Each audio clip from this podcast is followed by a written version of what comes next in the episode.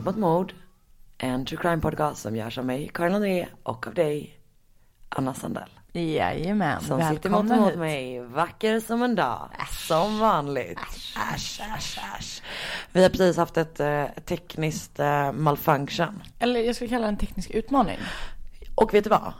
Vi löste den. Så himla bra. Ja. Så mycket Det MacGyver. vi är ju problemlösare. Mm.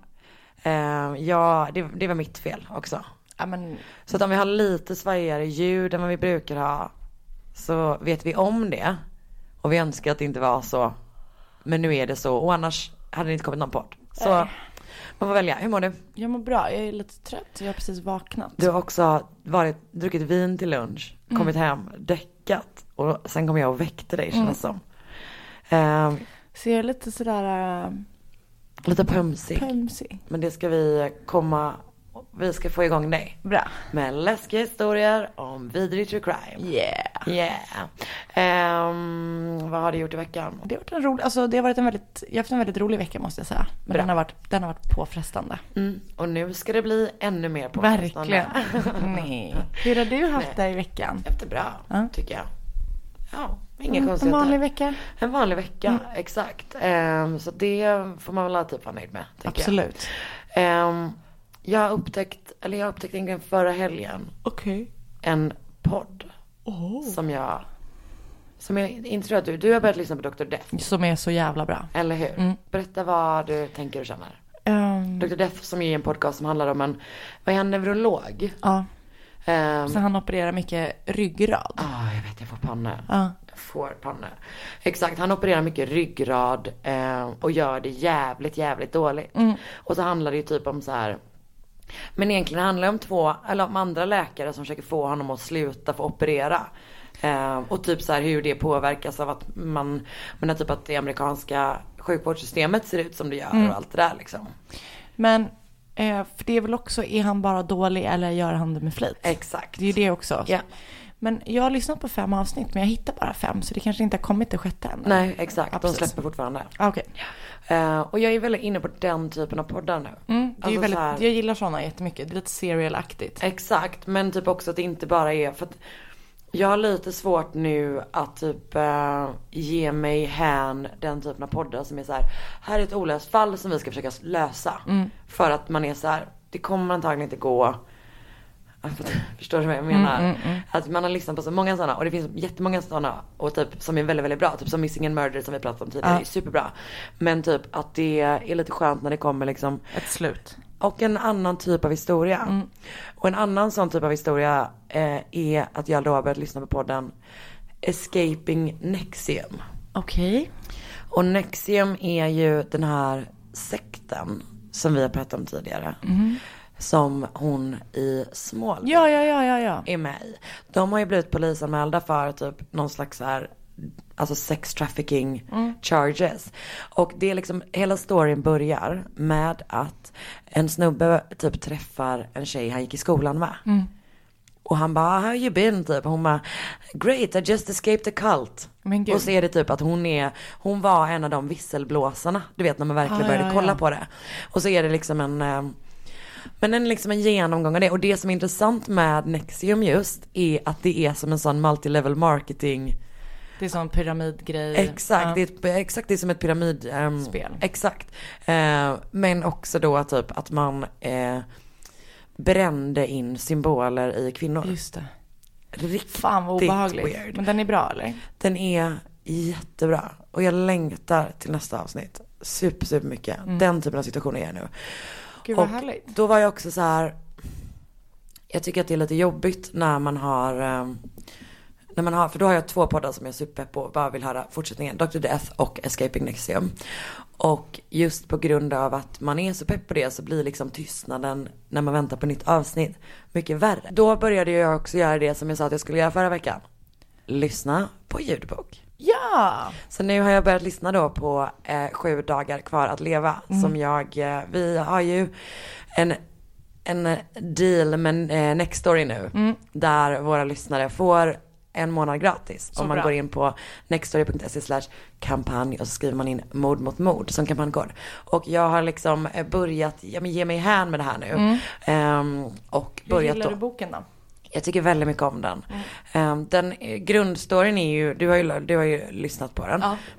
Alltså grundstoryn är ju den här att det är en snubbe då som har sju dagar kvar att leva och man intervjuar honom och man intervjuar typ så här poliser och sånt som, om när jag säger Familj, man ja. så menar jag Carina Bergfeldt. Precis, det är inte... Det är inte jag. Nej. Det vill jag ändå vara tydlig med.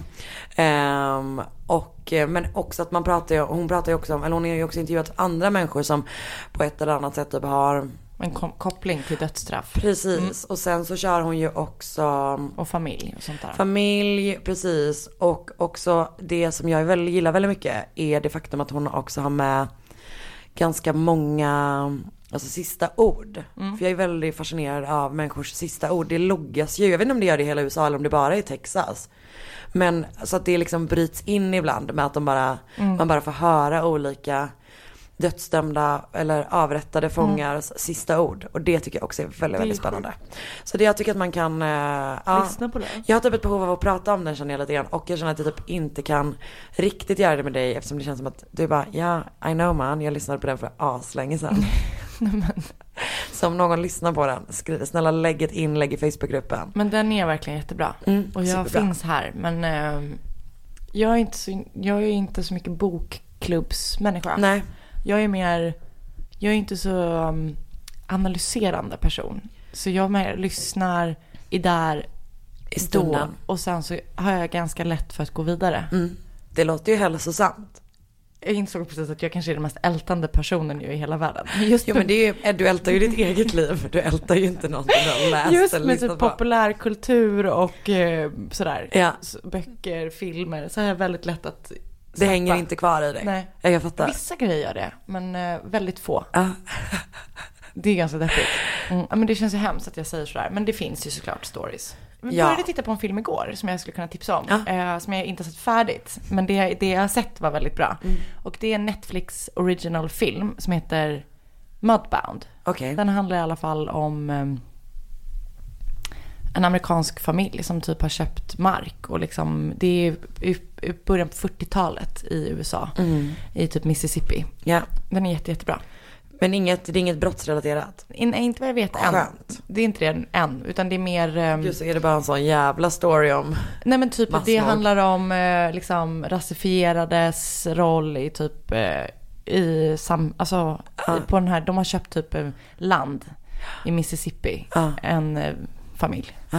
Ja, men det verkar jättespännande. Mm, Så jag nice. tipsar om den utan att ens ha sett färdigt den, vilket Bra. är kanske lite vågspel. Men ehm, Gud, tänk om det blir en sån jävla shit show där på slutet. kan det ju bli, det Ja. finns ju en risk. Men, det då har du också brasklappat det. Exakt. Så du är så jävla safe. Jag är fri. Mm. Du är fri att leva ditt liv. Äntligen. Vi har Nextory med oss som sponsor, vilket är fantastiskt. Och som mord mot mord-lyssnare så får man en hel månad gratis. En hel månad. Om man går in på nextory.se snedstreck kampanj, anger mord mot mord, Som kampanjkod. då är man med oss i en månad gratis utan förbindelser. Så härligt. Och vad lyssnar vi på er den här veckan? Jag har ett tips. Ehm, fallet Samir. Jajamän. Det kom en podd som hette Fallet, ehm, kanske 2015 skulle jag gissa, av Anders Johansson, kriminalreporter på Aftonbladet, som då granskade ehm, fallet där 15-åriga Samir dömdes för att ha mördat sin styvmamma. Och jag lyssnar i veckan på boken Såld av Vera Efron som eh, är en sann historia om en ung kvinna som eh, blir utsatt för trafficking. Alltså, det är fan, ja. Det är en sån ja, skräck. Exakt. Men lyssna med oss genom att gå in på Nextory.se slash kampanj. Ange kampanjkoden mord mot mord så får ni en månad gratis så kan vi lyssna på de här böckerna tillsammans och eh, prata om dem i vår Facebookgrupp sen. Så härligt. Så härligt.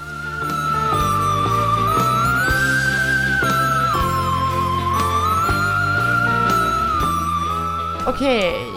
Ja. Det här är nu ett fall som många, många har önskat. Mm.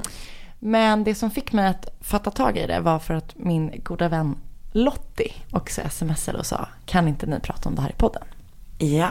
So this one's going out to all of you wishers and most of all Lottie. Lottie. Vi befinner oss i Ambato i Ecuador i slutet på 70-talet. Början på 80-talet. Fruits and Flowers Festivals är i full gång. Eh, Men det är inte bara fest och flärd och blommor och frukt. Utan ba- bakom glädjen i festivalen så har många unga flickor försvunnit.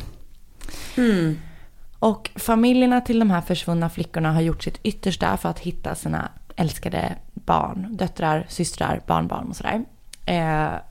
De satte upp skyltar på gatorna, de frågar överallt och alla människor och satte, upp, eh, satte in annonser i tidningarna och sådär. Eh, för att polisen menar att alla de här försvunna flickorna är runaways. Mm, såklart. Förlåt, Eh, hur många var det? Det, vi kommer komma till det. Ja, förlåt, förlåt, förlåt. Eh, och att de ska ha stuckit ifrån sina familjer för att det har gått dåligt i skolan, för att de inte fått de betygen som de önskar så. För att flickorna är mellan 9 och 12 år gamla. Ja, det låter ju verkligen som en ålder när man rymmer hemifrån och inte kommer tillbaka igen. Verkligen. Absolut.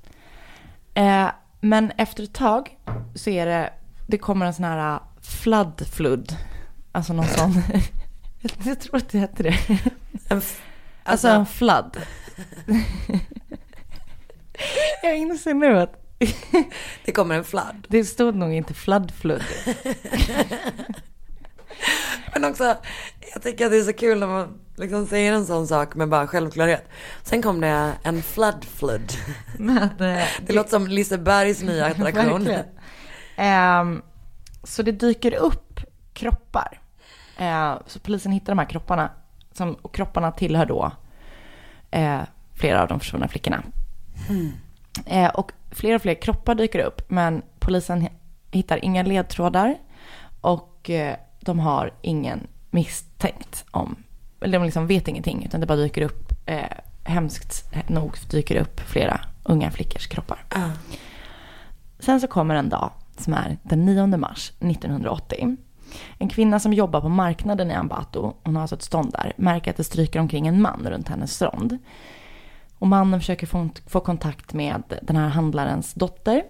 Och dottern tycker att det är obehagligt för att han stirrar på henne och är så här, försöker du vet, vinka henne till sig sådär. Så hon påkallar mammas uppmärksamhet och bara, det är, den här mannen är asäcklig. Ehm, typ, vad gör vi?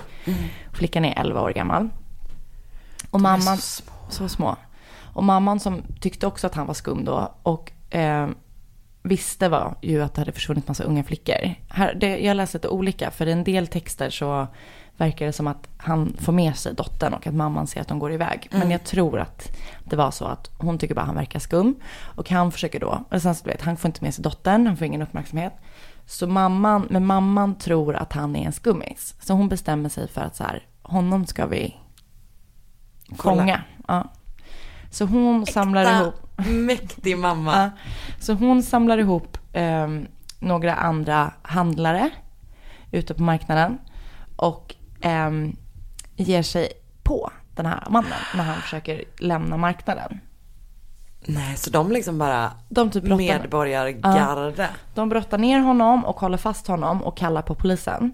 Och medan de väntar på polisen så säger de så här, vi vet att det är du liksom. De försöker anklaga honom, eller de försöker inte, de anklagar honom för att det är han som har Som är skyldig alla för som, alla de här. ja, för tagit, liksom rövat bort alla flickor. Oh, wow. Verkligen. Eh, och det här för- förnekar han då till de här. Bara, vad håller ni på med? Jag är bara en helt vanlig man. Typ, jag har varit här för att handla. Typ, låt mig gå. Men polisen kommer. Och den här dagen, den 9 mars 1980, grips en av de mest aktiva seriemördarna genom alla tider. I vad som så skulle vara ett försök på att kidnappa en 11-årig flicka. Och han som grips heter Pedro Alonso Lopez. Men, and, vet du? Andernas monster, tror jag han heter på Just svenska. Säg det på spanska. Har du det på spanska? Vet du vad? Mm. Jag har ju förstås, alltså typ så här, sett lite om det här fallet. Mm. Men har aldrig liksom, jag har inte så bra koll. Nej. Så Kul. det, det är egentligen mitt bästa när vi gör den här podden. När man är så här, du vet man har sådana fall som man bara, fan vad intressant det hade varit att läsa lite om det. Och sen så bara, gör man inte det. Och sen så är det någon annan som har gjort det och den andra är Anna Sandell. Precis. Ja, Eh, nu åker vi. Så nu börjar vi från början. Ja. Pedro Alonso López föddes den 8 oktober 1948 i Santa Isabel i Colombia. Han var ett av 13 barn och han växte upp med en ensam mamma för pappan var med i, någon, nå- liksom i något gard i colombianska armén. Så att han dog, tror jag. Han var inte närvarande i alla fall som barn. Och historien om hans uppväxt eh, skiljer sig beroende på vem som berättar den.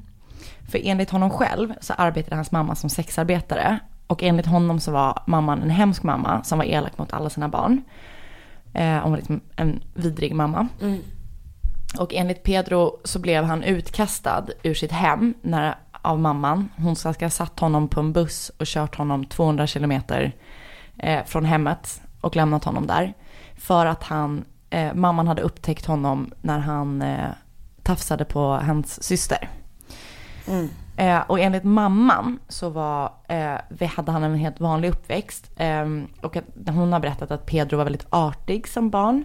Och att han drömde om att bli lärare.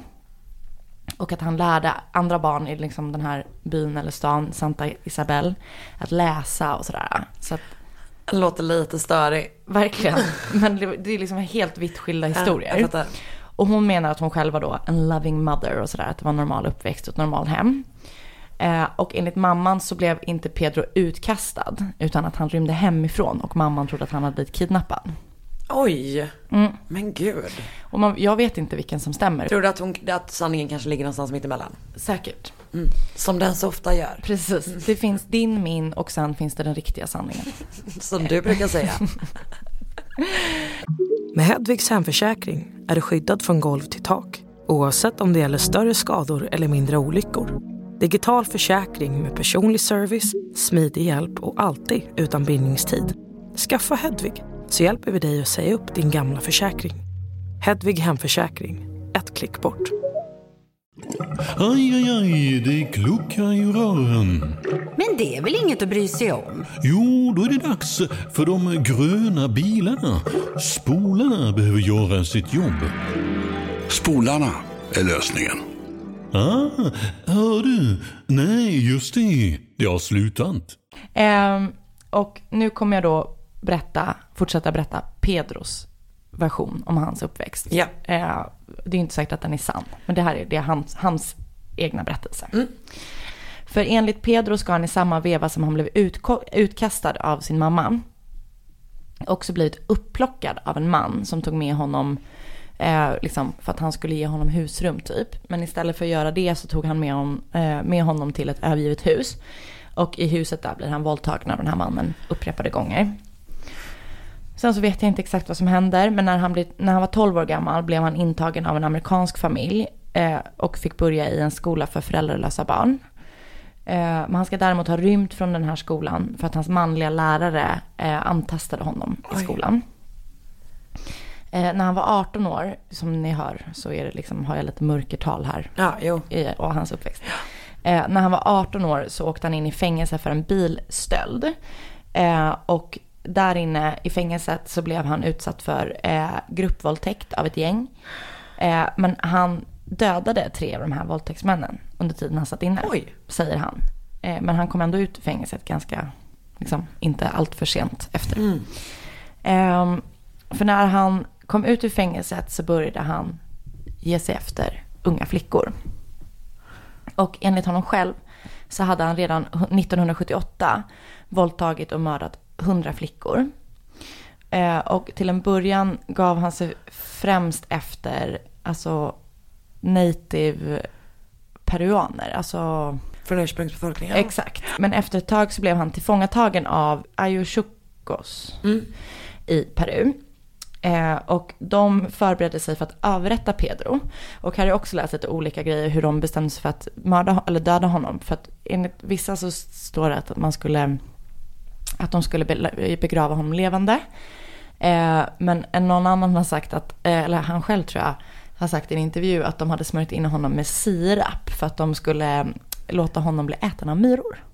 Vilket känns som en så långsam död. Grov.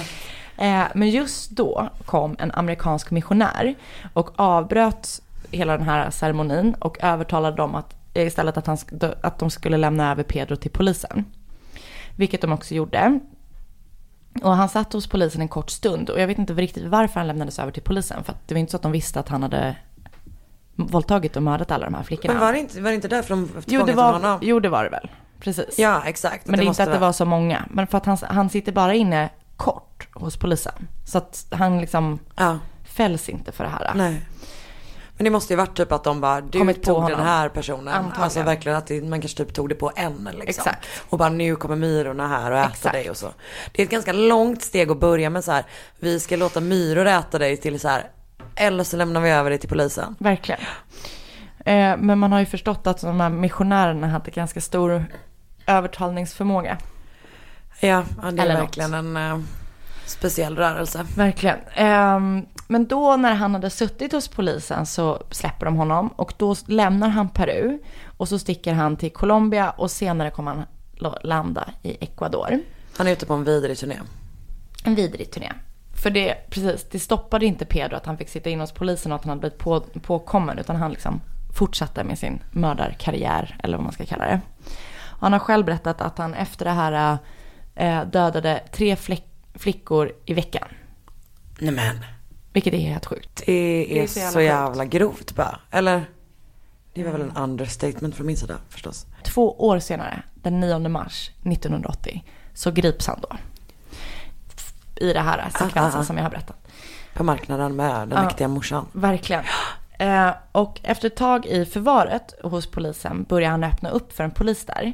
Eh, en polis som han får förtroende för. Men det verkar som att han inte fått förtroende för den här personen i tron om att han är polis. För att de har eh, klätt ut, eh, klätt ut, men de har låtit den här polisen agera fånge i samma cell som honom. Så det är som en sån jailhouse confessions fast utom det som är att det är alltid skitsvårt att veta vad som är sant. Exakt.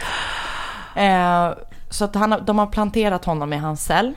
Eh, och han bor där tror jag i liksom typ en månad. Ja. Och är rädd. Men liksom lyckas ändå få honom att öppna upp. Men gud, fan tror du de drog, drog lott om det jävla uppdraget alltså eller? för fan. Eh, men, och för, den här polisen så erkänner Pedro att han under de sju senaste åren rest genom Colombia, Ecuador och Peru. Och att han då har våldtagit och mördat 350 flickor. kan ju, Jag vet, polisen, kan det liksom stämma? polisen tror ju inte först att det stämmer. Nej. För att det verkar obegripligt att han har dödat så många. Eh, han berättade också då om sitt tillvägagångssätt för polisen. Eh, och det han gjorde var att han fångade sina offer. Han liksom lät dem, han tog en ung flicka på vägen från skolan eller på marknaden. Han gillade att de var så ansvarsfulla typ och hjälpte sin mamma på marknaden och sådär. Sen tog han med dem till en plats eh, som han hade förberett. Eh, och sedan våldtog han dem. Eh, och sen ströp han flickorna medan han tittade dem i ögonen. För att det var en sån grej som Han ville se han ville livet se- lämna. Exakt. Eh, och han har berättat också att han tog sina offer när det var ljust ute. Han ville mörda dem när det var ljust ute. För att han inte ville att mörkret skulle kunna dölja deras dödsplågor. Eh, och han har... What the- Ja, så grovt. Eh, och han har också berättat att ehm, han hade förberett gravar på de platserna som han tog med flickorna till. Och ibland var det gravar där det redan låg andra offer. Eh, och tyvärr läste jag också någonstans att en del av flickorna hade blivit strypna med sån kraft att ögonen hade lämnat hålorna. Det var så grovt. Mm. Så obehagligt. Och ehm, eh, han ska ha sagt när han berättade om det här. Eh, I like the girls in Ecuador. They're more gentle and trusting. More innocent. Så jävla hemskt. Jag tror att jag, nu när jag tänker efter, så tror jag, du är ju, du tycker att yxa är det Ja. obehagligaste. Jag tycker, förutom trubbigt våld, Ja. så tycker jag nog att, alltså strypning. Ja. För det, Det känns så nära. jävla intimt. Ja. Exakt typ att det är liksom så här. Det är så Det är så jävla genomont. Mm. För att det är också den grejen som bara är så här, om jag bara släpper det här. Så. Så lever den här personen. Det är så jävla grovt. Åh, små flickor. Så jävla hemskt.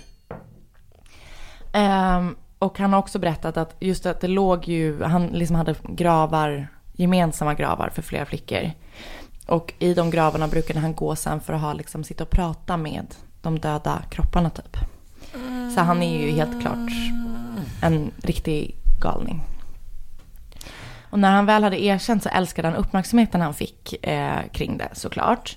Och han prat, gillade att prata om döden och så livsfilosofi på tv och sånt där. Och han verkade stolt över att, ja men du vet, i, så här, han typ berättade om, du vet, hade så här... Eh, menar, min fråga är, fick han vara med i tv? Ja, ja, absolut. Och sitta och prata. Ja, det finns ett klipp när han pratar om det. Så att, eh, ja, på det rörligt material. Ah, Man bara, måste vi ha hans dödsfilosofier? Är det verkligen, det finns andra stora tänkare här i världen. Eh, och han verkade stolt över att han hade dödat så många. Och han ska själv ha kallat sig för the man of the century. Och att ingen någon skulle glömma, någonsin skulle glömma honom. Liksom, på grund av det han hade gjort. Eh, och han berättade då att flickorna låg utspridda i gravar över de här tre länderna. Och som bevis så erbjöd han sig att visa polisen var alla gravar fanns.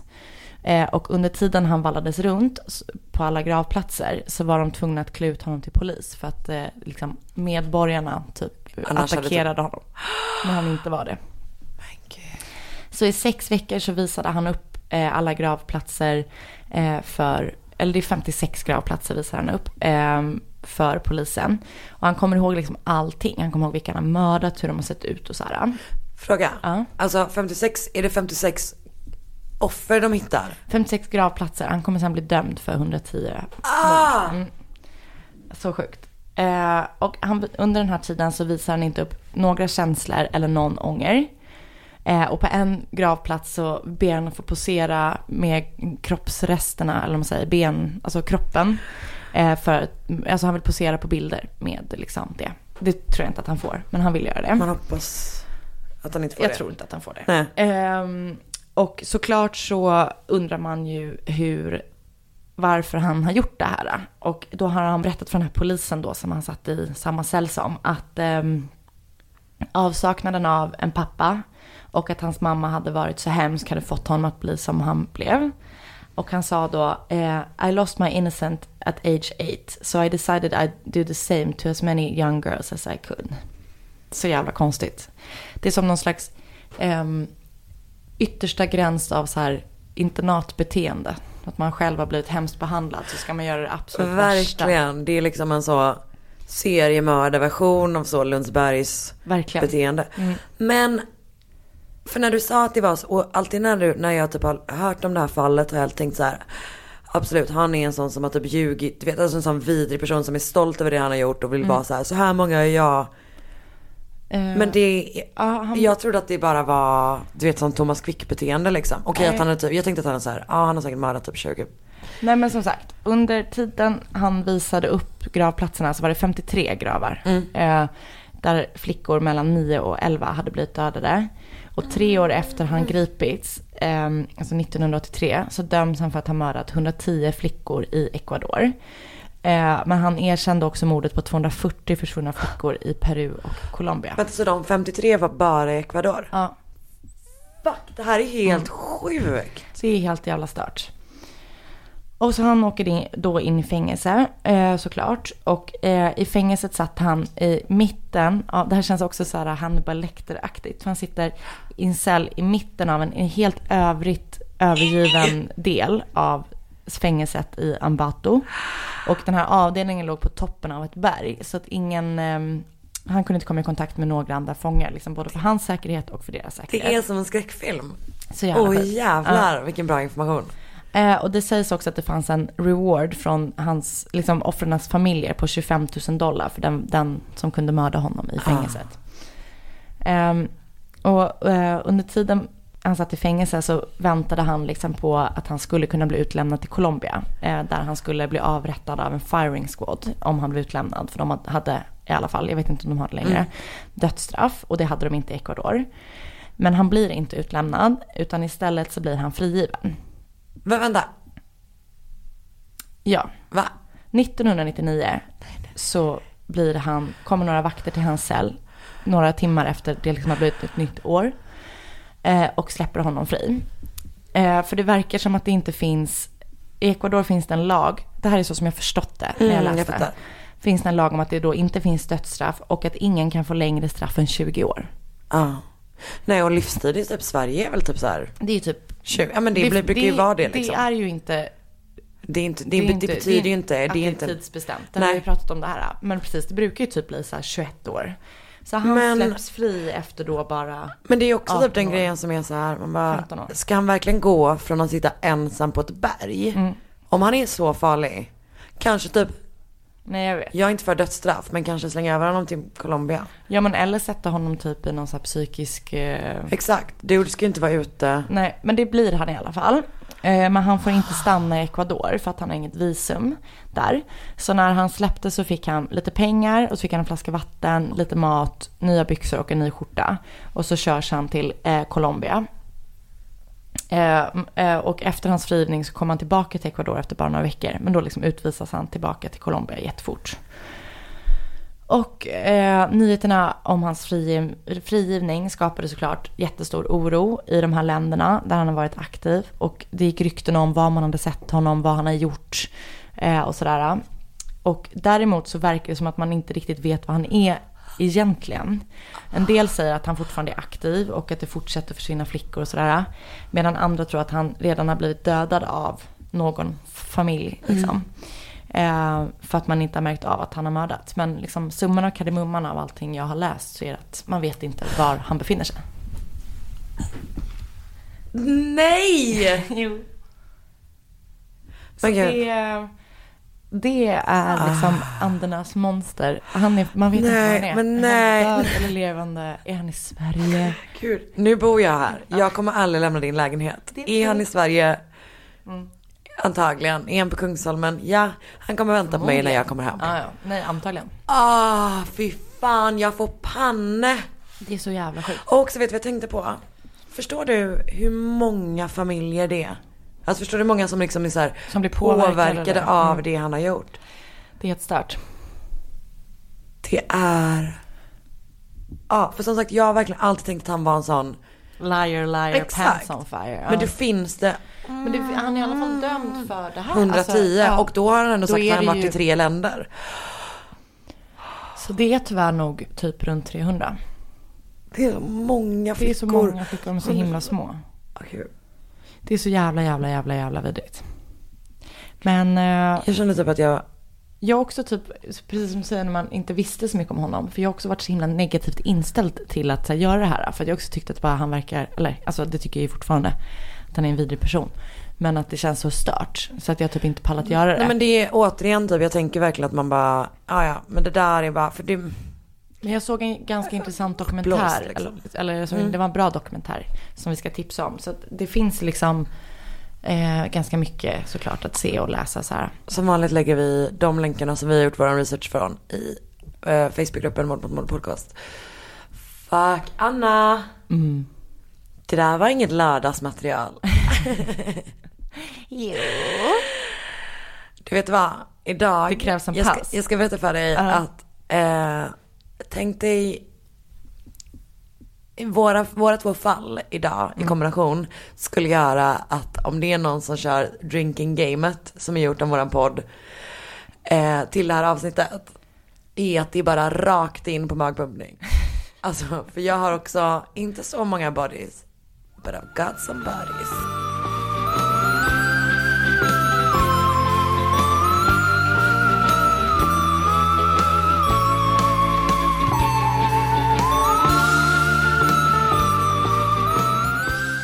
Jo, eh, men jag sa ju det innan att jag eh, lyssnar på den här Escaping Nexium-podden. Ja. Så jag är lite inne på sekt. Jag ska prata om händelserna i Waco, Texas 1993. Mm. Ehm, för att det, vi, vi börjar från början. Vi börjar från början.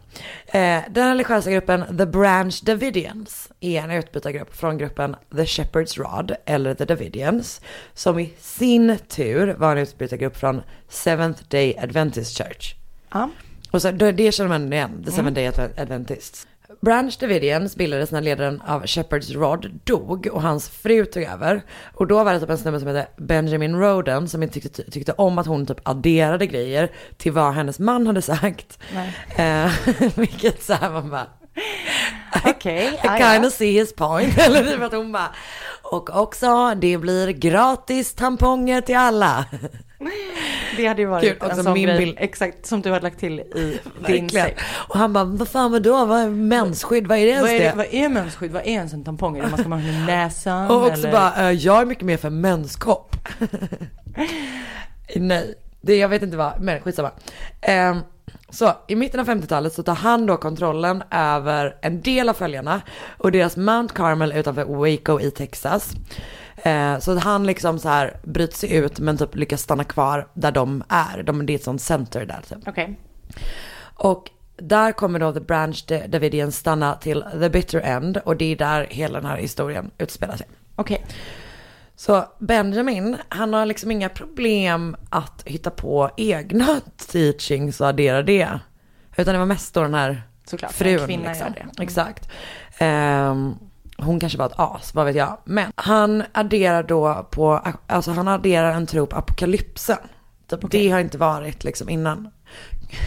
I mitt huvud nu tänkte jag en sekund, jag bara, sa jag kalypso? Eh, och det är liksom en, så här, en, en big deal som kommer bli Ja. a bigger deal. Så 78 då så dör Benjamin och hans fru, Lois Roden, tar över gruppen. Tre år senare dyker en 20-årig... Så det, Först var det en man, sen tog hans fru över. Ja, och sen då blev så var han det en snubbe som tog över från frun. Exakt. Och Och, sen dör han och då tar hans fru Okej. över. Ja, Lois Roden.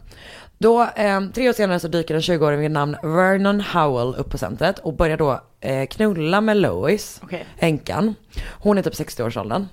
Han vill typ ha barn med henne för han tror att det ska bli the chosen one och du vet, ja, hela den grejen.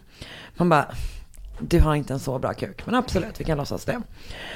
Han får då, hon blir typ lite så här infatuated med honom. Alltså hon, så han, hon låter honom då liksom börja typ undervisa i den här gruppen.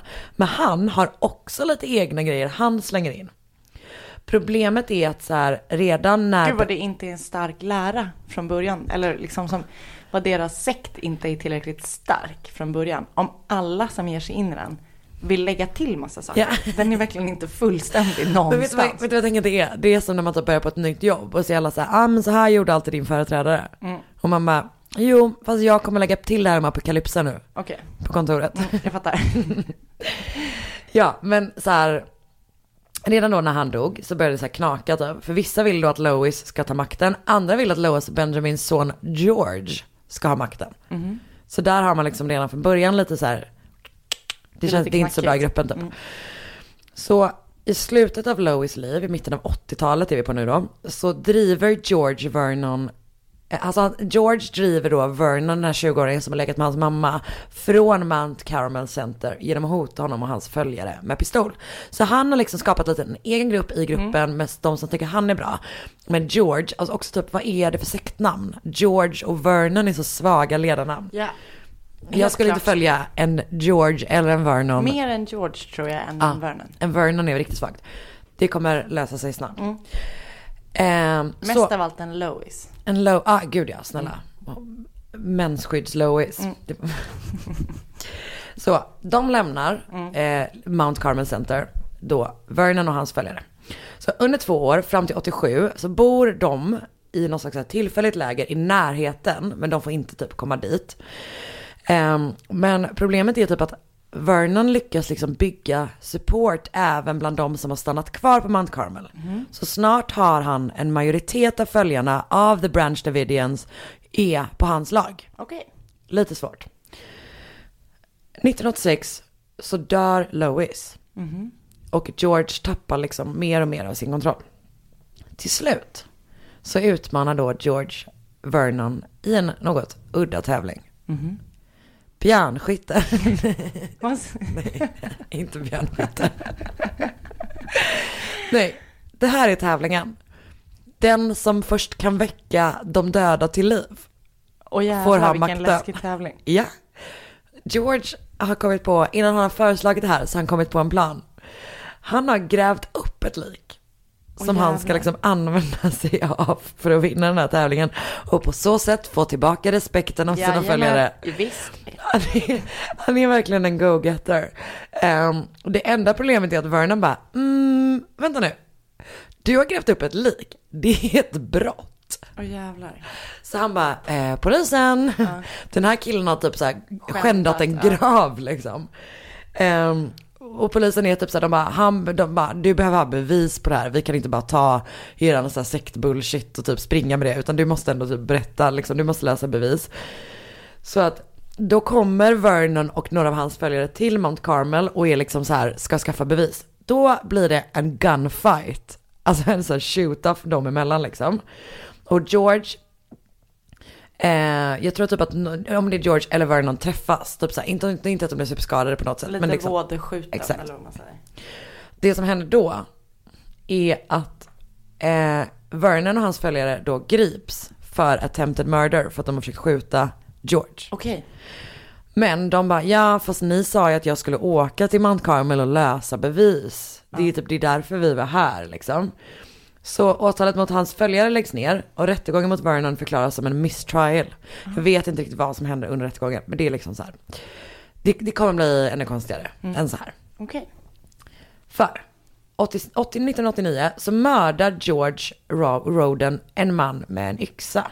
Efter att mannen, som heter Wayman Dale Adair, påstått att han är Messias. Så han bara, jag är Messias. Han bara, nej det är du inte din jävla as. Här är jag med min yxa. Okej. Så. Och då hamnar då George i fängelse. För att han har mördat den här personen Ja, med en ja, yxa. ja. Mm. Och då visar det sig att han har supermycket skulder. Och då... George har skitmycket skulder. Exakt.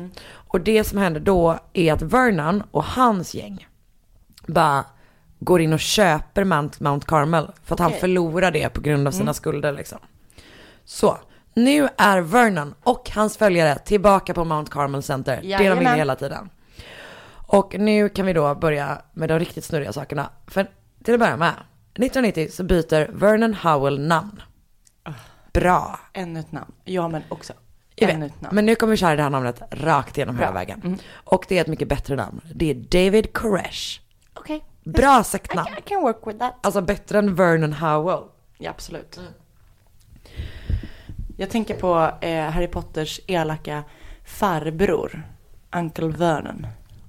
Uncle, exakt, men det är ju ett riktigt fittigt farbror. Aunt Petunias man. är det inte ett riktigt fa- fittigt farbror-namn? Absolut. Så. Nu bor de då på Mount Carmel Center. Det är liksom barn, kvinnor och män tillsammans på det liksom ligger i, i, då, utanför Waco, Texas. Och David Koresh säger då till dem att han är Messias. Hur är, är då George Jordan inte around med sin Verkligen. yxa? Eh, och han kör vidare på det här spåret att det kommer bli en apokalyps. Att det är så här, det är liksom en stundande, undergången är Det är hans stundande. hjärtefråga. Ehm, men han säger att den, det kommer bestå av ett krig mellan den amerikanska staten och landets invånare. Så det är väldigt liksom hands-on.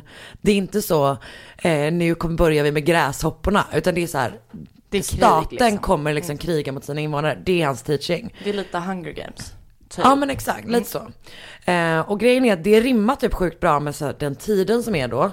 För att eh, så här, anarkistiska strömningar, dels tänker jag typ att amerikaner, framförallt kanske i vissa specifika delstater, har en lite annan syn på sin regering och på staten än vad typ kanske vi har. De härliga strömningarna om hur jävla ond staten är har typ så här, de, de liksom blommar ut under den här perioden. Det har typ varit ett fall innan där typ en, en um, staten har gått in i någon så här privat människas bostadshus. Ja, Det har liksom varit så Ja, här. fattar. Det finns anledningar till att man, man har det top of mind. Och det som händer nu då är att gänget på Mount Carmel börjar liksom shoppa massor av vapen.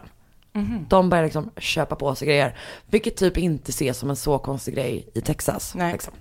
Fan, det är så jävla konstigt att man får köpa vapen på vilket sätt som Nej helst. men jag vet. Det, och de har ju både sån conceal carry och open carry. Alltså Texas är ju De är ju helt galna med helt det där. jävla galet. Exakt. Ehm, och David Koresh har då vissa regler för sina följare som då bor tillsammans här. Eh, vissa av dem typ gör att han känns som en sån LA-bo. Typ man får inte äta socker, man får inte äta mjölkprodukter, man får inte äta vitt mjöl, sådana grejer. Han var före sin Inga tid. inflammationer i tarmen och sånt. Precis. Han bara apokalypsen kommer och ingen ska ha inflammationer i tarmen. Mm, man kan vara med på, alltså jag tycker ändå att det är föredra att inte folk har inflammationer i tarmen. Absolut. Men För Karin, som jag skrev till dig häromdagen. Den andra hjärnan sitter i tarmen. Jag vet. Och att det var det första jag läste på morgonen. Och vägrade köpa det. Om Jag tycker bara inte att det är en bra liknelse. För fan vad man inte tänker med tarmen. Okej, jag orkar Okej, vi går vidare, Jag vi går orkar, vidare. jag orkar inte försvara Activias reklam igen. Så har du gjort en egen deal med dem. Verkligen. Du har en sponsorsdeal med Activia som I är... wish. Verkligen. Okej. Han har också typ lite märkligare matregler, till exempel att man typ, det är något så här att man får typ inte får äta banan och apelsin tillsammans. Vilket i och för sig du tycker låter bra eftersom du hatar banan. Sen har han också lite vidrigare regler. Ehm, det är väldigt viktigt att deras, alltså han och hans följares barn är extremt lydiga. För de gör ju sig redo för krig. Liksom. Just det. Eh, och sättet de eh, gör det då är att man slår barnen typ för minsta lilla grej. Eh, en mamma, jag har sett en dokumentär och typ, där var det typ en mamma som berättade så här att hon bara, jag har sån jävla ångest typ, jag slog mitt barn tills det kom blod liksom. Och det är verkligen så, men smiskgrejen typ, men grovt som fan, alltså inte som att smisk är inte alltid grovt.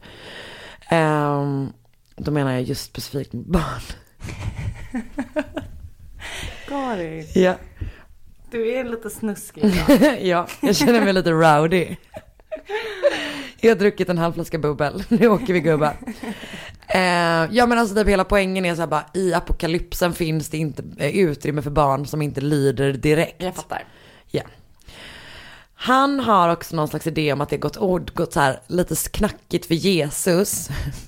På grund av att han var då Ja, för det här är en kristen Exakt, sekt. ja, exakt. Ja. Eh, hans tes är då lite grann att, att Jesus var liksom fri från synd. Mm. Och det kan du typ människorna inte relatera till eftersom människan är Syndig. Exakt, precis så. Så han bara, nu eh, har ni träffat den nya Messias, jag, som är supersyndig. Alltså jag får lite grann sån, du vet sån Rashnishis, kommer du ihåg? Alltså Ja, ja. den som Wild Wild Country dokumentären handlar Ja. om. Du vet att det är så här, man, man eh, jobbar in i materialet att man ska få knulla väldigt mycket. Det är liksom den typen av grej. Så han bara, sån är jag. Det är liksom inte mer Man med måste ju inte starta en sex, sekt det. För att få knulla för att mycket. få göra det. Nej, nej. Det nej. finns ju andra, det finns ju andra vägar. Men jag tror att det är jävligt lätt om man har startat en sekt. Alltså bara att Absolut. ha, ha med ett gott gäng så är det ganska lätt att få, få knulla liksom. Han ser det typ som sin uppgift att han ska få barn med väldigt många olika kvinnor. Han vill sprida sin säd. Exakt. Och att typ han har spelat i band innan. Han har lite sån groupie syn på sina följare typ. Några som däremot inte får ligga är alla andra män i gruppen. Ah, ja. Så att det är liksom, det är bara han som ska knulla med alla, alla andra. Det är rimligt. Mm, verkligen. Så du vet så här, det är gifta par som har typ sökt sig dit och liksom är, och de får inte leva ihop längre. Han bara, mm, hon är min nu och också hon och eran dotter. Fy fan. Mm. Så han ligger med alla kvinnor. Andra ligger med inga kvinnor kan man säga. Han har en laglig fru, alltså en så här, ja, någon som han har gift sig med på, på laglig väg. Men han har också massa andra fruar som han också typ kallar för sina fruar liksom. Minst en av dem är minderårig. För eh, surprise, han väntar inte tills folk är myndiga och börjar ligga med dem. Han börjar liksom, alltså han groomar olika ja. men döttrar liksom i den här organisationen under olika perioder. Och det finns också stories om att, om att typ föräldrarna är med på det. De tycker typ att det känns viktigt att de blir sedda för någonting. Men att han sig. är, att han är liksom, han har valt deras dotter. Exakt, jag menar det. Det är liksom så här, den nu blir grejen. de upplyfta till typ en annan nivå av den Ja. nya Messias. Exakt, det finns en tjej som han börjar ligga med när hon är 13 år gammal. Fan. Och hon är då dotter eh, till hans fru. Alltså hans, den som han är Ja, gift med på laglig väg. Och typ att hon bara så här, men det är hennes mamma som tar med sig hon, henne till honom liksom. Åh, fy fan vad vidrigt. Ja, jag vet, det är verkligen grovt. Polisen börjar då få upp, upp ögonen för gänget på Mount Carmel Center typ 92 någon gång. Delvis då för att man har hört rykten om att, så här, grupp, att barn, barnen, där, ja, men både att man slår dem men också att man då eh, förgriper sig på dem. Men också för att det är typ, Men det är bara han som får, får ja, ja. förgripa Ja, sig. ja, ja, ja, ja, nej han har allt. Mm. Han kör hela grejen. Eh, men också det att man hör så vapen avfyras Typ hela tiden. För det får killarna göra. Skjuta. De, De får skjuta. skjuta. sin frustration, sexuella Ah, frustration för de agerar med vapen. Exakt så. Farligt. Ja, så han ligger med alla, alla, alla medans männen är ute och skjuter vapen. Mm. Jag tycker det känns som en Jag tycker det låter som en bra lösning. Verkligen. Så, alltså för han försöker liksom typ träna dem som typ en armé som ska kunna strida i, exakt, i det här kriget, stundande kriget liksom. Eh, I maj 92 så ringer en UPS-arbetare till polisen för att ett paket som ska till The Branch Davidians gått sönder när han lyfte och i det paketet ligger vapen, bland annat handgranater. Och jävlar. Han bara, eh, jag har hittat en grej. Fan jag vet inte om det här är, Nej. det här kanske vi ska göra något åt. Um, och då för att hålla koll på dem så flyttar några från ATF som är The Bureau of Alcohol, Tobacco, Firearms and Explosives. De flyttar då in ett gäng i ett hus som ligger mitt emot centret där de ska alltså vara college students. Fråga, hur ligger det här centret? Ligger det som eh, Rajneesh Alltså ganska, inte riktigt så rural, alltså inte riktigt så Nej. lantligt men typ åt det hållet Okej, liksom. Det är, mm. ganska, det är jävligt stort. Alltså det är många olika delar. Hur många medlemmar har sekten? Ehm, Vet vi det? typ här, alltså eh, här är det typ 150 pers tror jag ungefär som Okej. bor vid centret, liksom, eller bor på centret. Så de flyttar in där, eh, som ska vara college students, men typ att de... Eh, 45 år gamla. Ja, alltså det är verkligen en grej. De är typ så här 30 år gamla, har fina bilar. De har inga scheman som typ verkar som att de är studenter överhuvudtaget. Det är liksom inte, Så inte dumt. supersnyggt skett. Liksom. Så de inne i huset bara, ja vi fattar ju att ni inte, Mm. att ni inte är college-studenter liksom. Eh, De är heller då inte inskrivna på något college, så det är väl också en grej typ. Ehm, men det man också gör är att man planterar en undercover cop som följare. Ah, Väldigt spännande. Eh, Robert Rodriguez får liksom flytta in. Ehm, och man har typ förstått i efterhand att David Koresh kanske hade lite vibb på att han var det. Men det Okej. är ingenting som kommer fram typ. Man övervakar dem, man har den här personen som är där inne, man liksom så här är orolig för barnen, de har skitmycket vapen. Till slut får de då tillstånd att genomföra en husrannsakan. okej. Ehm, och det får man för att man typ har fått uppgifter om att de har gjort någonting med sina vapen som är olagligt, som är att man gör typ vanliga vapen till automatvapen. Det är någon sån Okej. grej liksom. Jag är inte så bra på vapen. Är du inte? Inte lika bra som du. Du är ju vapenexperten. Exakt. Mm. Ja. Ehm, så, man bestämmer sig då för att genomföra en räd mot Mount Carmel Center den 28 februari 1993. Med 76 agenter. Jävlar. Så en jävla stor operation. Man vill ju överraska dem eftersom man vet om att de har skitmycket vapen. Ehm, men ett tv-team har fått reda på att det ska hända. Okej. Och de är ute och letar efter det här centret. De kör vilse. Frågar en brevbärare, vart ligger det här? Brevbäraren är en Branch Davidian. Nej. Så han bara, de kommer, de kommer, ringer upp liksom. Robert Rodriguez då som ju är liksom planterad inne i huset, han får reda på att de andra har fått reda på det. Så han bara, gänget, vi kanske inte ska köra det här idag för de vet om att vi kommer. Men trots det så bestämmer man sig för att genomföra operationen. Kvart i tio på morgonen närmar sig då 76 agenter centret. Jag tror, men jag tror att det är typ 150 personer. Mm. Och ingen vet vem som skjuter det första skottet. Det finns teorier om att det är något vapen som har råkat gå av och sen, alltså du vet så. Mm. Men snart är det alltså full on skottlossning Shit. mellan The Branch Davidians och agenterna. Och det är också den grejen som är så här, vad är det han har lärt sina följare? Mm. Vad är det för apokalyps han har sagt kommer hända? Mm. Plötsligt händer ju den. Alltså den blir, de är under attack av staten Mm. liksom. Ehm, och jag har typ så här, så här, sett intervjuer med medlemmar som typ var barn då som bara ja, det här var det vi hade blivit varnade för. Plötsligt kommer det så svartklädda män som bara kommer närmare med liksom dragna vapen typ.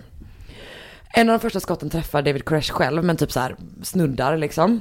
Eh, och sen du vet agenterna bara ställer upp så stegar mot fönstren, du vet klättrar upp på taken, slår in fönstren, drar in, alltså du vet verkligen så här. Och allt finns typ filmat för att det är så mycket media på plats redan då Jävlar liksom. sjukt. Så det ser, alltså det ser ut som en actionfilm typ. Mm. Eh, och snart då så ringer gruppens advokat till 911. Alltså inifrån huset.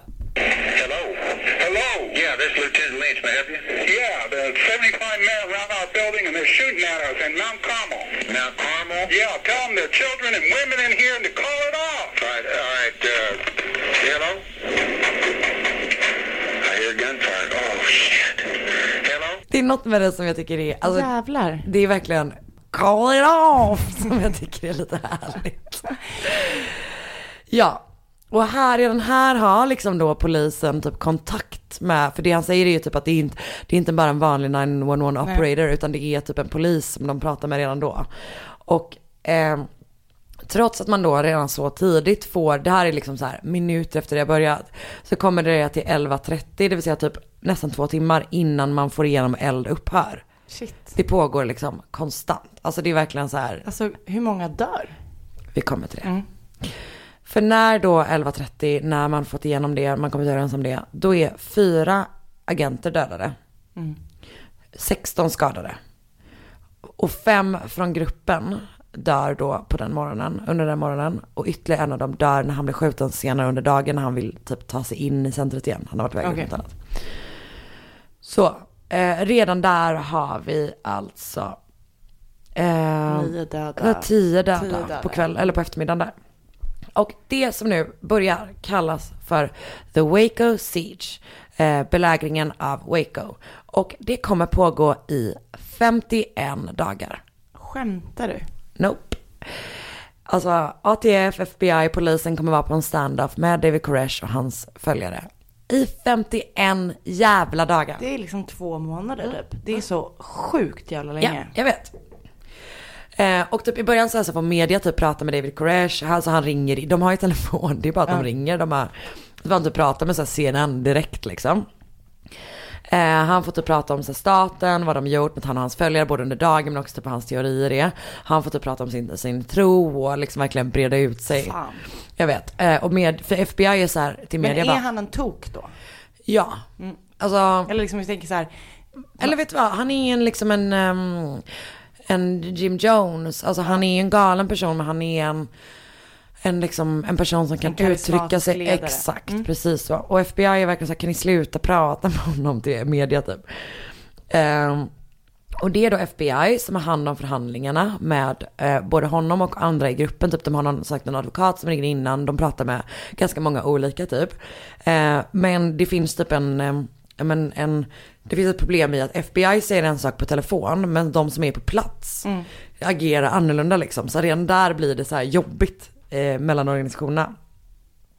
Du vet så här att FBI typ lovar en grej och så gör de andra på plats en annan grej liksom. Eh, man tror, de tror typ ganska tidigt, FBI alltså, de har typ ett team på så här 25 personer som jobbar bara med att förhandla. Alltså hela dagarna, fattar du att det är 51 så dagar. stört. Eh, där de bara försöker förhandla med dem. Och de kommer då överens med David Koresh om att, att han ska få ett medlande uppläst i radion. Eller typ om han ska spela in det och de ska sända ut det tror jag. Och då ska han och hans följare lämna Mount Carmel Center typ fredligt liksom. Så han spelar in sitt meddelande, typ skickar över det och det går i radio och sen händer ingenting.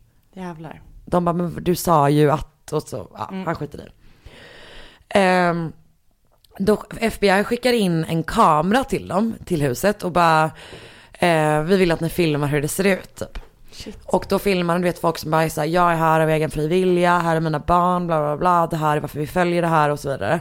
Ehm, och då vill FBI, då hoppas FBI att de ska känna starkare med den organisationen som förhandlar med dem. Så de filmar sin eget video där de typ sitter och så här, hej jag heter det här och det här och visar upp bilder på sina barn, bara jag jobbar på FBI, det här är min, min dotter, hon är så så gammal, det här är min fru, alltså, och det, allt det finns liksom, båda de filmerna från båda hållen finns. Ehm, och det är ganska mycket barn där inne då. Och först fokuserar man då på att få ut dem. Först får man ut typ så här 20 stycken tror jag. Men man inser typ att det är, är, det är ungefär lika många kvar där inne. Så man typ intervjuar de barnen som finns där och typ fattar det är typ obehagligt. Jag har sett så här klipp på där barn sjunger, du vet så här, det låter som helt vanliga barnlåtar. Men du vet det handlar om typ så här, vi ska stå, alltså du vet bara vi Nej. ska fortsätta stå när blodet rinner. alltså du vet verkligen så här. Så står de bara och sjunger, det är asglada typ. Men de har in massa liksom barnpsykologer och sånt som intervjuar dem efteråt. Gud, och liksom, intressant. de leker typ apokalypskriget. Alltså det är liksom deras lek typ. Men det blir ju också hela den grejen som är att det blir som att han är synsk. För att det här bevisar ju bara hans tes Ja, ja. liksom. Så. Eh, man typ försöker få dem att ge, ge upp genom att typ gäng, använda ett gäng olika taktiker. Bland annat så lyser man sjukt starka lampor mot huset Mm. under här natten. Eh, och så spelar man musik konstant, typ. Men man spelar också ljudet av jetmotorer och av skrikande kaniner på jättestora Gud. högtalare för att få dem att ge upp liksom. Ingenting funkar. Det är också inte så konstigt. De är ju beredda att gå i döden för Exakt. Alltså sin så här, ledare. Eh, medierna är ju där hela tiden, så finns asmycket material filmat. Alltså jätte, jättemycket. Jag såg, som sagt, såg en dokumentär som jag kommer länka till, där det finns jätte, jättemycket. ehm, som Det följer hela, ja exakt, det är verkligen sjukt. Eh, och det börjar ju bli ganska jävla pinsamt för staten. Att det är så här, de kommer ingenstans. Nej. De står vid det här jävla huset och bara kan inte göra någonting. Så plötsligt en morgon så tar man in militären. Alltså du vet, det rullar in stridsvagnar och ställer upp sig. Man har redan haft inne helikoptrar, det hade man redan i den första. Då sköt de mot helikoptrarna. Men det är verkligen så här, det är stridsvagnar som rullar in i det här lilla samhället i Texas typ. Så jävla konstigt. Ehm, så samtidigt som det händer, att det rullar in där, så är typ för FBI på telefonen bara, vi vill gärna förhandla med er. De bara, ja fast nu har ni skickat hit armén. Så hur typ tänker ni? Elva personer, både barn och vuxna tror jag det, kommer typ lämna under den här tiden. Först de här 20 barnen och sen så 11 till tror jag det. Eh, men nästan alla är ju kvar. Sen stänger man av vattnet och elen. Eh, för att de ska komma ut på grund av det liksom. Så de typ så här lever på typ regnvatten. Men de har ju också förberett sig. De har liksom mat och hela den grejen. Men det blir också jävligt grovt att typ barn, eller att staten utsätter barn för den typen av liv. Alltså det, blir, Ja. det ser ju inte så jävla bra ut liksom. Ehm, folk börjar bli mer och mer typ upprörda för hur man typ genomför den här insatsen i Waco. Det är barn, det är oskyldiga vuxna. Man är också typ livrädd för ett massjälvmord. Eh, Jonestown-stilen liksom. Plus att det kostar en miljon dollar i veckan Jävlar. och ha igång den här skiten.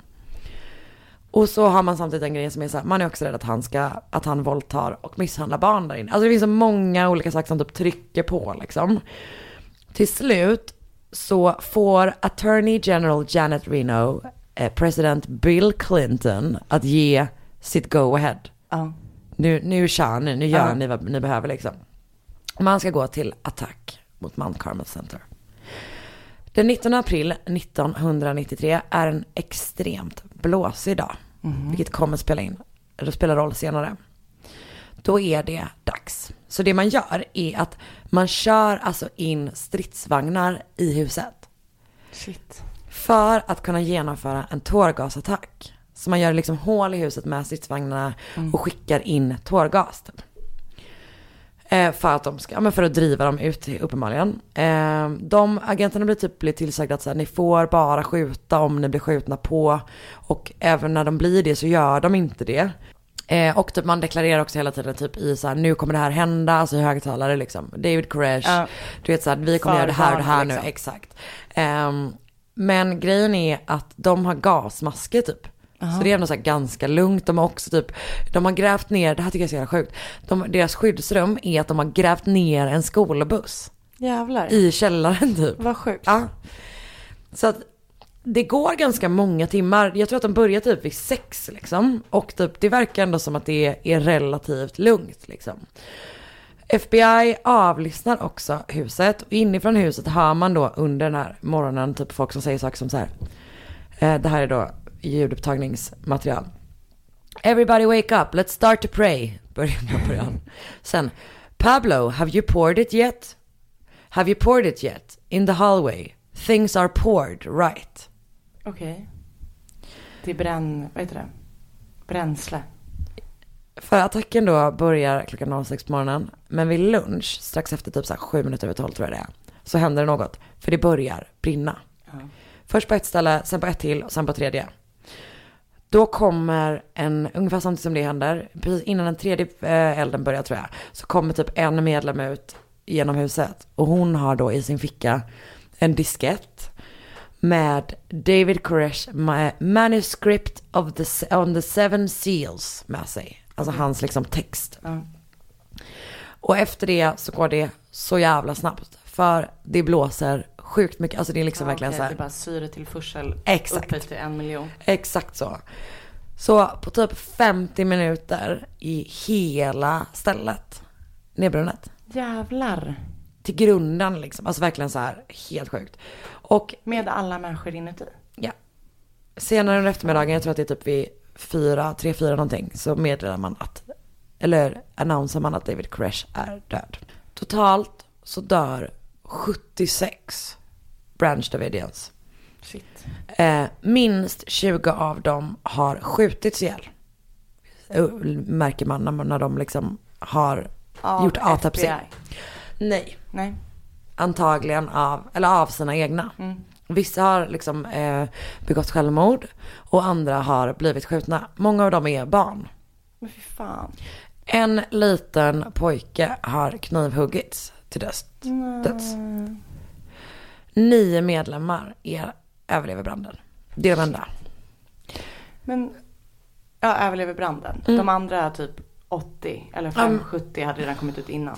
Ja, exakt. Och också, jag tror att det kanske inte var 150. Det var typ 20 barn, 30, 40. Ja, okej, kanske mer 130 då. eller Någonting sånt. Folk är rasande för hur staten har typ hanterat hela den här situationen. Och man typ menar att, så här, att, att de, det är de som bär ansvaret för att så många dog.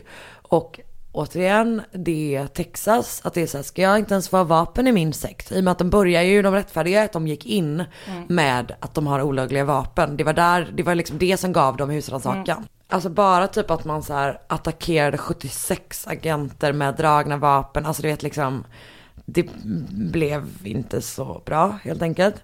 Dessutom så är det ganska många som hade, eller var det i alla fall ganska många som hade tanken att det var agenterna som startade elden. Ja.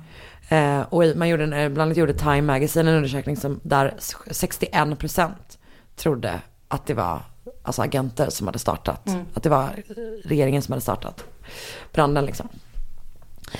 Och man börjar liksom typ se de här, den här, det här gänget som någon slags frihetskämpar, du vet, som stod upp mot regeringen, alltså verkligen den grejen. Och blev mördade för det, något som så här, ja, som sagt var på frammarsch redan från början och som blev påeldat av det här. Och folk åker då till Waco för att typ visa sitt stöd för dem. Och en av dem som åker dit och blir extremt inspirerad av upplevelsen är en snubbe som heter Timothy McVeigh. Känner du igen det? Ja, det är Så han kommer då på dagen två år senare parkera en bil med en bomb i utanför Alfred P. Murray Federal Building i Oklahoma. Och då döda 168 människor i the Oklahoma City Bombing. Just det. Det gjorde han alltså två år på dagen efter den sista attacken på Waco. Han, det är den dödligaste inhemska terrorattacken som USA har varit med om. Och fram till 9-11 så var det den dödligaste terrorattacken Shit. ever. Han kommer liksom säga att här, han, är, han åker till Waco för att typ visa sitt stöd. Och kommer sen också säga att, eh, att han gjorde det delvis på grund av det som hände där. Shit. Så det var då The Branch Davidians eller The Waco. Siege of 93. Det var väldigt, väldigt spännande. Eller hur? Det var extremt spännande. Jag har typ inte, ja men det är någon som har tipsat mig om det. Jag har men inte jag hört inte, nej det eller hur, man har ju koll på liksom Heaven's Gate och Jonestown är ju typ de man har bäst koll på. Eh, och den här storyn är, men just det att det pågick så jävla länge. Så stört. It spoke to me. Förstår verkligen det. Vi gjorde det jätte, jättebra. Bra, tack snälla. Det här var då veckans avsnitt av Mord mot mord podcast. Som den inte heter. Mord mot mord heter den bara. Det stämmer. Däremot heter Facebookgruppen. Mord mot mord podcast. Exakt, som man gärna får Kom med med. Kom med. Eh, så får man gärna följa oss på Instagram. Du heter att Sandel Anna, jag heter att Karin Londre. Vill man önska fall så gör man det i DMs där. Man kan få ge oss en snäll review om man vill. Gärna. På iTunes. Det blir vi jätteglada av. Ehm, nu äter vi middag eller? Jabbarabadoo! Med Hedvigs hemförsäkring är du skyddad från golv till tak oavsett om det gäller större skador eller mindre olyckor. Digital försäkring med personlig service, smidig hjälp och alltid utan bindningstid. Skaffa Hedvig så hjälper vi dig att säga upp din gamla försäkring. Hedvig hemförsäkring, ett klick bort.